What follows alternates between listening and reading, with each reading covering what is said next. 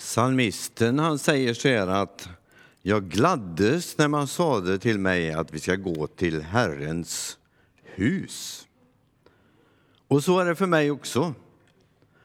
Och det har ju blivit en del av mitt liv genom åren att glädjas över att få gå till Herrens hus.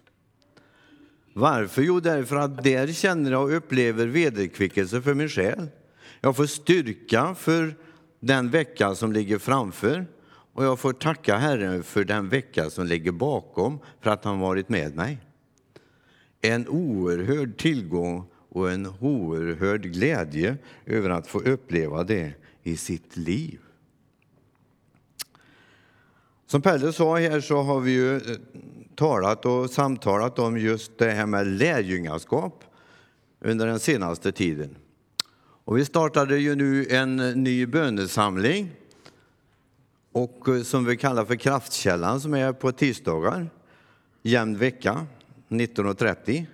Och där hade vi just de första böneämnen som vi samtalade gemensamt om och det var just lärjungaskap och vikten av att ta vara på sitt lärjungaskap. Inte bara att jag blir kallad som människa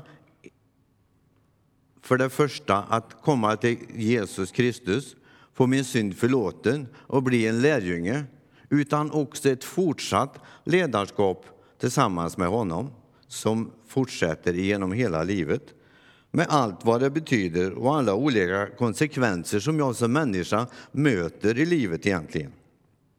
Och nu ska vi se på en person bland annat som blev kallad till lärjunge och som levde tillsammans med Jesus Kristus när Jesus vandrade här på jorden. Och då ska jag till att börja med läsa ett ord ifrån Lukas evangeliet, det femte kapitlet och de första elva verserna. Där står det så här. En gång när han stod vid Genesarets sjön och folket trängde på för att höra Guds ord. Vi kan se två båtar ligga vid stranden. Fiskarna hade gått ut för att skölja näten.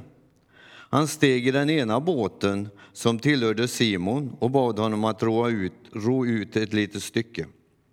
Sedan satte han sig ner och undervisade folket från båten. När han hade slutat tala sa han till Simon, ro ut på djupt vatten och lägg ut näten där. Simon svarade, Mästare, vi har hållit på hela natten utan att få någonting. Men eftersom du säger det så ska jag lägga ut näten. Och det gjorde så och drog ihop en väldig mängd fisk. Näten var nära att brista. Och de vinkade åt sina kamrater i den andra båten att komma och hjälpa till. Det kom och man fick så mycket fisk i båtarna att det höll på att sjunka. Då kastade sig Simon Petrus ned vid Jesu knä och sade Lämna mig, Herre, jag är en syndare. Ty han och de som var med honom greps av bävan när de såg all fisken de hade fångat. Likaså alltså Jakob och Johannes, Sebedaios söner, som hörde till samma fiskelag som Simon. Men Jesus sa till Simon, var inte rädd. Från denna stund ska du fånga människor. Då rodde de i land, lämnade allt och följde honom. Ska vi be tillsammans? Himmelske Far, tack för nåden och möjligheten att få mötas i ditt hus. Att stilla oss och öppna våra hjärtan och liv för ditt eget dyrbara ord. Tack för att du har gett det oss Tack för att du, Jesus Kristus, kom till oss för att vi skulle få uppleva frälsning och frihet i ditt namn. Tack för att du gjorde allt för oss, la allt till rätta, Herre. Ja, vi kan inte nog prisa och tacka dig för. Signa nu ordet och de tankar som jag vill dela tillsammans med oss. Tack för alla mina vänner som har kommit till den här gudstjänsten, Jesus. Hjälp oss att alla vara öppna mot dig, mot den helige Ande, Tack för vad du vill göra. Tack för att du vill göra något nytt i våra liv i den här söndags eftermiddagen. Tack för att vi får gå förvandlade härifrån på grund av att du, Jesus, är mitt ibland oss och vill möta oss med Andens kraft och liv. Vi tackar dig för, Herre. Amen. Ja, I centrum för Lukas skildring så står ju Simon Petrus, som vi förstår. Och det var ju ändå så att Jesus och Petrus, de hade tidigare träffats och därför så kände de till varandra. Jesus han hade verkat en tid i Galileen och han befann sig nu vid Genesarets sjö som vi har läst med varandra. Och mycket folk hade samlats för att lyssna till Guds ord. Hos profeterna hade denna landsända utpekats som den mörkaste andligt sett. Men det var här som Jesus kom först med det himmelska ljuset. Och han sa, den som följer mig, han ska inte vandra i mörkret. Härifrån skulle han också få de första lärjungarna, Jesu första lärjungar. Vad är då en lärjunge egentligen? Ja, ordet säger oss närmast att det är någon som lär sig någonting. Och talet om efterföljelse är faktiskt väldigt centralt gång efter annan just i Nya testamentet. Fariseerna, de skriftlärde, rabbinerna och så vidare. De samlade lärjungar. Vad hade de gjort? Jo, lärjungarna hade själva valt endera fariseerna eller rabbinerna att få studera och undervisas i skrifterna för att de senare skulle kunna undervisa andra. Den tanken fanns också mer i äldre tider hos oss än vad det gör idag, nämligen lärjungaskap. Man skulle få lära sig ett yrke och gå tillsammans med sin mästare och så skulle man få lära sig och så skulle man kunna klara sig och utföra det yrket senare i livet. Men Jesu lärjungar däremot, de hade inte valt sin rabbi. Nej, initiativet låg helt hos Jesus Kristus själv. Han som med gudomlig auktoritet hade kallat på människor.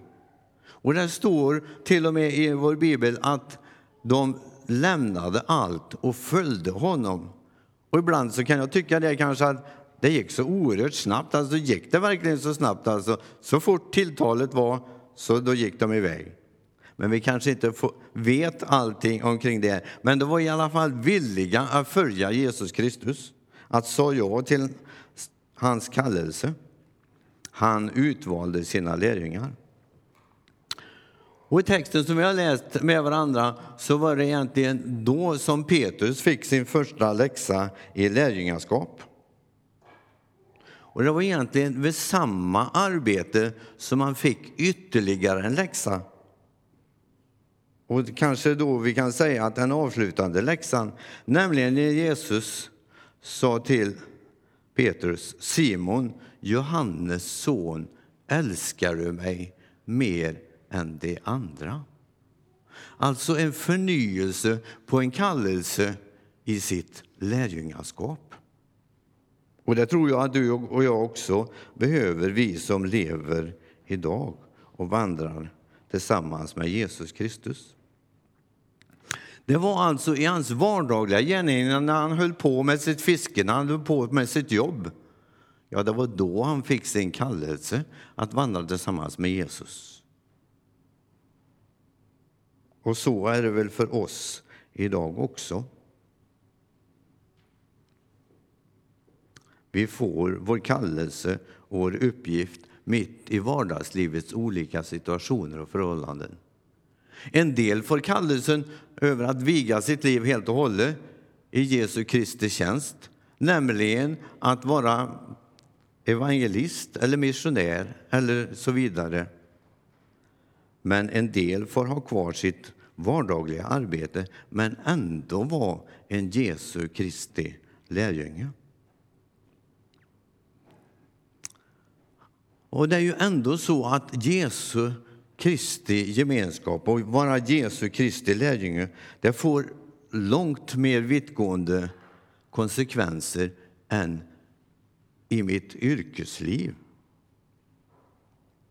Varför? Jo, därför att Jesus Kristus, han är Guds son, men han är också tillika världens frälsare. Och idag så kallar Jesus Kristus på dig och mig, oss alla som är samlade här. Vi har kommit olika långt i våra liv, men Kristus han kallar på dig och mig på nytt. Varför? Jo, därför att vi ska kunna leva effektivt i den här världen tillsammans med honom för att Guds rike ska sprida sig. Därför är det ju så att hos Jesu lärjungar så skapas ett otroligt intimt samband. Ett personligt samband. Och det är ju ändå så att desto längre som mitt lärjungaskap när Jesus Kristus förlöper, så desto intensivare och innerligare bör det ju bli. Och det heter ju det, och vi säger det ibland, att den du umgås med, den blir du också lik. Gör det någon skillnad i tiden om jag vandrar intimt tillsammans med Jesus Kristus eller inte?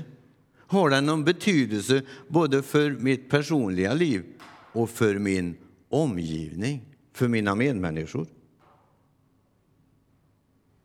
En livsgemenskap som eh, gör att lärjungen blir lik sin Herre och Mästare. Och Paulus skriver i Filipperbrevet att låt det sinnelag råda hos er som också finns hos Jesus Kristus. Jesu kallelse, följ mig, ställer varje människa inför ett livsavgörande val. Så vad är då själva poängen med att svara ja på Jesu kallelse? Att följa honom? Ja, Bibeln visar mig då dels på en personlig förvandling därför att det krävs en personlig avgörelse. Men också en förvandling av hela samhällen. Och ska vi få vårt samhälle förvandlat så måste det ske genom förvandlade människor. Och den enda som har möjlighet att förvandla oss människor, det är Jesus Kristus. Det var ju därför han kom hit, för att det skulle ske en livsförvandling hos oss. Att vi skulle få in, uppleva den innerliga gemenskapen med himmelens Gud, det som var avsett ifrån början. Det liv som Jesus kallade till, det var ett överflödande liv. Och Det betyder då att Andens frukt blir synlig ibland oss människor, synlig i våra liv. Och Det gör också att vi förverkligar vår kallelse här på jorden att vara Jesu Kristi lärjungar. Och hur rätt har inte sångförfattaren när han säger hur ljuvligt att få vara en ton från himlen, ifrån Guds eget väsen, från själva kärleken. När Gud slår an ackordet i himmel och på jord, då blir hela människan en lovsång utan ord. Det är det som gör att människor blir förvandlade. Ska du och jag medverka till det, både till vår egen förvandling och till våra medmänniskors förvandling?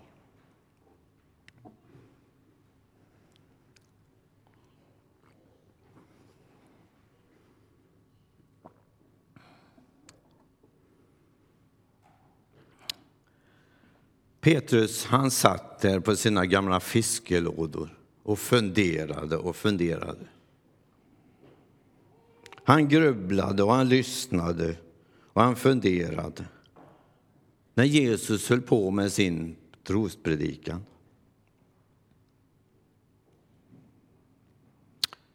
Men som avslutning på sin predikan så ville Jesus också visa på att han bryr sig om människans materiella och lekamliga funktion här i tiden. Och avslutningen blir både originell och intressant, men också verkningsfull. Nämligen ett stort och fantastiskt fiskafänge. Simon, ro ut på djupt vatten och lägg även näten där. Så vaknade plötsligt Petrus ur sina funderingar och sina tankar.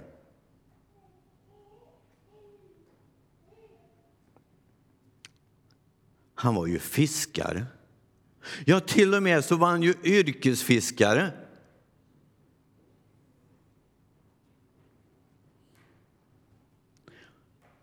Och det han fick lyssna till det var ju tvärt emot all rätt. Allt som han brukade göra i sitt vardagliga liv. Och därför säger han, vi har ju fiskat hela natten, men vi har ju inte fått någonting. Det finns inga möjligheter. Sen blir han tyst en lång stund. Så började han på att fundera både hit och dit. Han såg sig runt omkring. Varför? Jo, därför att det var ju fullt i fiskare på stranden. Hur skulle de reagera egentligen om han gjorde som hans mästare så? De som visste hur det skulle gå till. Skulle han tvärt emot allt och all rätt våga egentligen? Men så plötsligt så sa han ju det. Men på ditt ord, Herre, då vill jag göra det. Då vill jag försöka.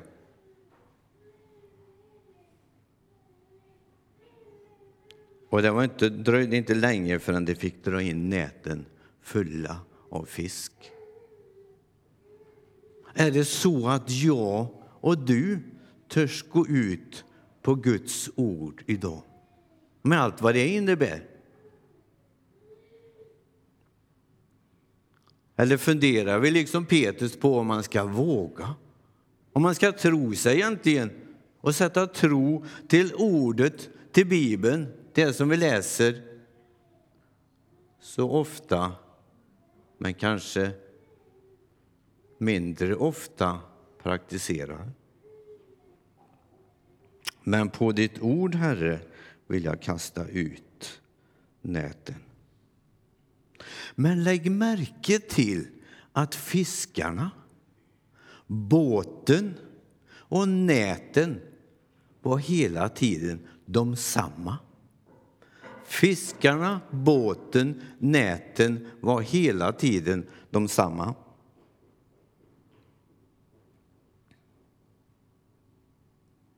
Men Jesus använde dem. vad gjorde han? Jo, han gjorde ett under. Tänk om det är nu så att Gud kan använda mig, kan använda dig, kan använda de medel som du och jag har och lägga sin välsignelse till det. Och så upplever vi i nästa ögonblick att det sker ett under. Är det andra som ska fixa undret eller är det dig som Gud vill att du ska vara med och frammana ett under?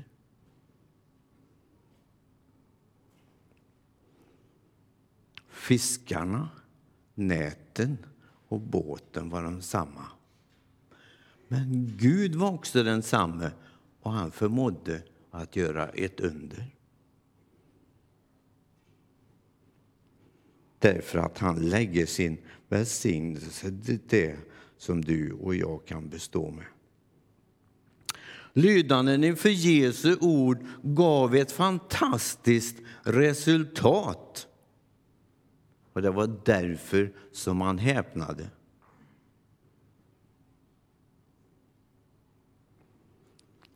Och det är alltid så att Herren ger i överflöd.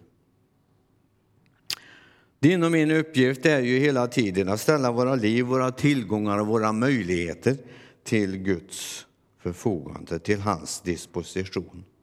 Och det är därför som sångförfattaren säger lämna dig helt åt Jesus, själv vill han helt bli din.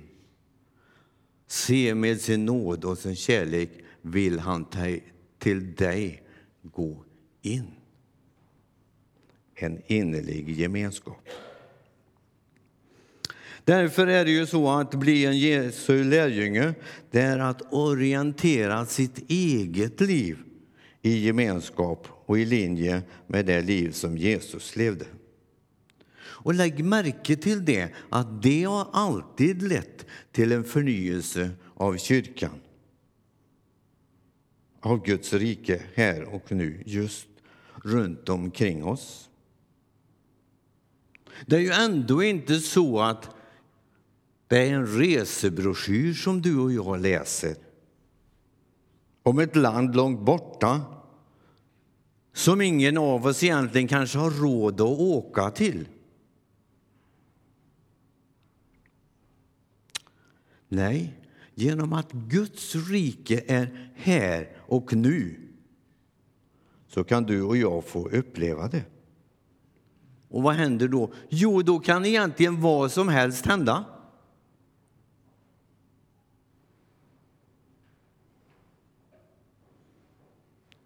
Om det händer just nu så är det just om du och jag har ett mottagligt hjärta för Guds tilltal, för den heliga Andes vidrörande av ditt och mitt liv just i det ögonblicket som är nu. Nuet är det ögonblicket som du och jag har en möjlighet att reagera i.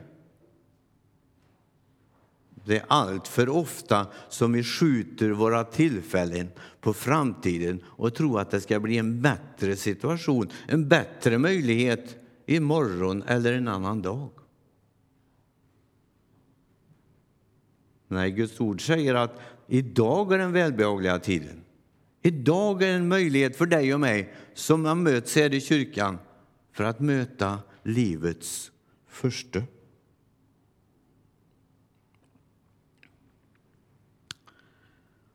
Du som har misslyckats så många gånger. Du upplever trötthet och du har tappat modet. Du är förtretad på dina medmänniskor. Du känner besvikelse. Då vill jag uppmana dig att kasta nätet bildligt talat ut på nytt. Varför? Jo, därför att livets första kan göra något nytt i ditt liv. Precis som Petrus fick uppleva.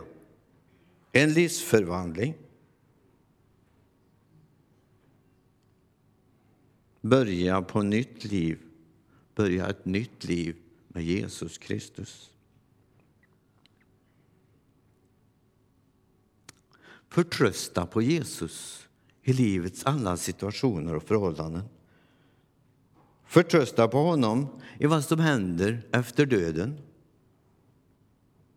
Förtrösta på honom i det enda liv som du och jag som människa har fått att leva här på jorden.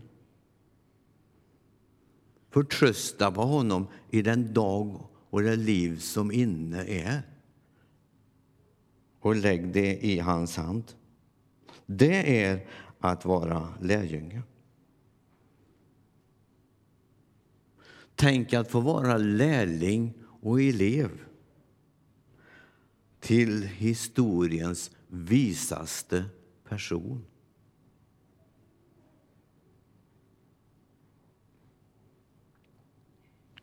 Och att inspireras av historiens bästa levda liv. Historiens bästa levda liv. Kan man få en bättre lärare? Kan man få en bättre livsledsagare som människa genom livet? Nej, absolut inte.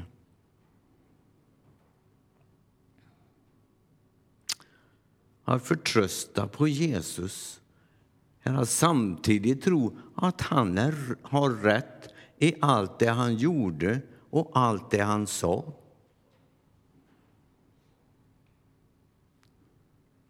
Ibland så tycker du och jag att vi gör rätt och att vi säger rätt och att vi har rätt. Och visst kanske vi har det rätt ibland, men det är också många gånger som vi handlar fel. Varför? Jo, därför att vi är svaga och bristfälliga människor. Men fortfarande så kör inte Jesus bort oss, utan vi får fortfarande vara hans lärjunge. Med alla våra fel och brister så vill han ledsaga oss till ett rikare liv. Därför att du och jag kan hela tiden förbättras i gemenskap med Jesus Kristus.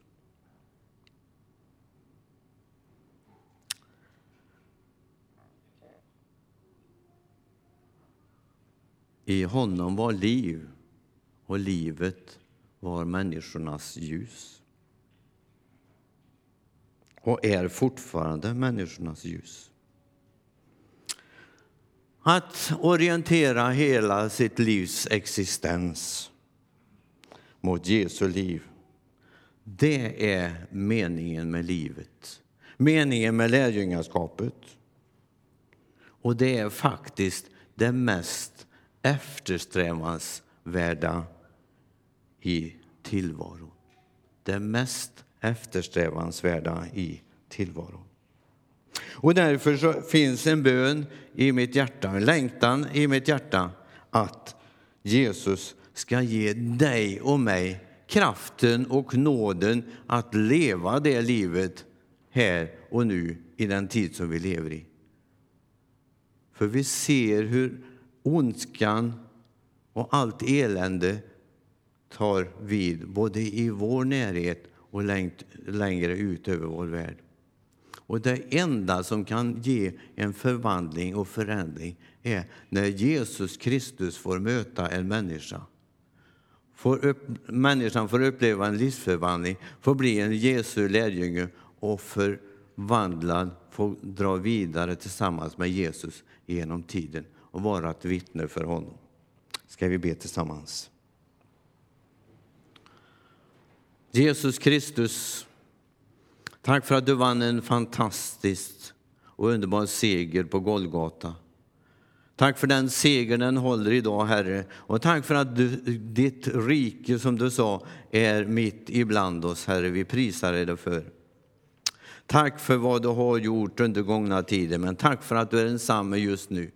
Tack för att du förmår att göra samma under, likadana under som du gjorde på apostlarnas tid, Herre.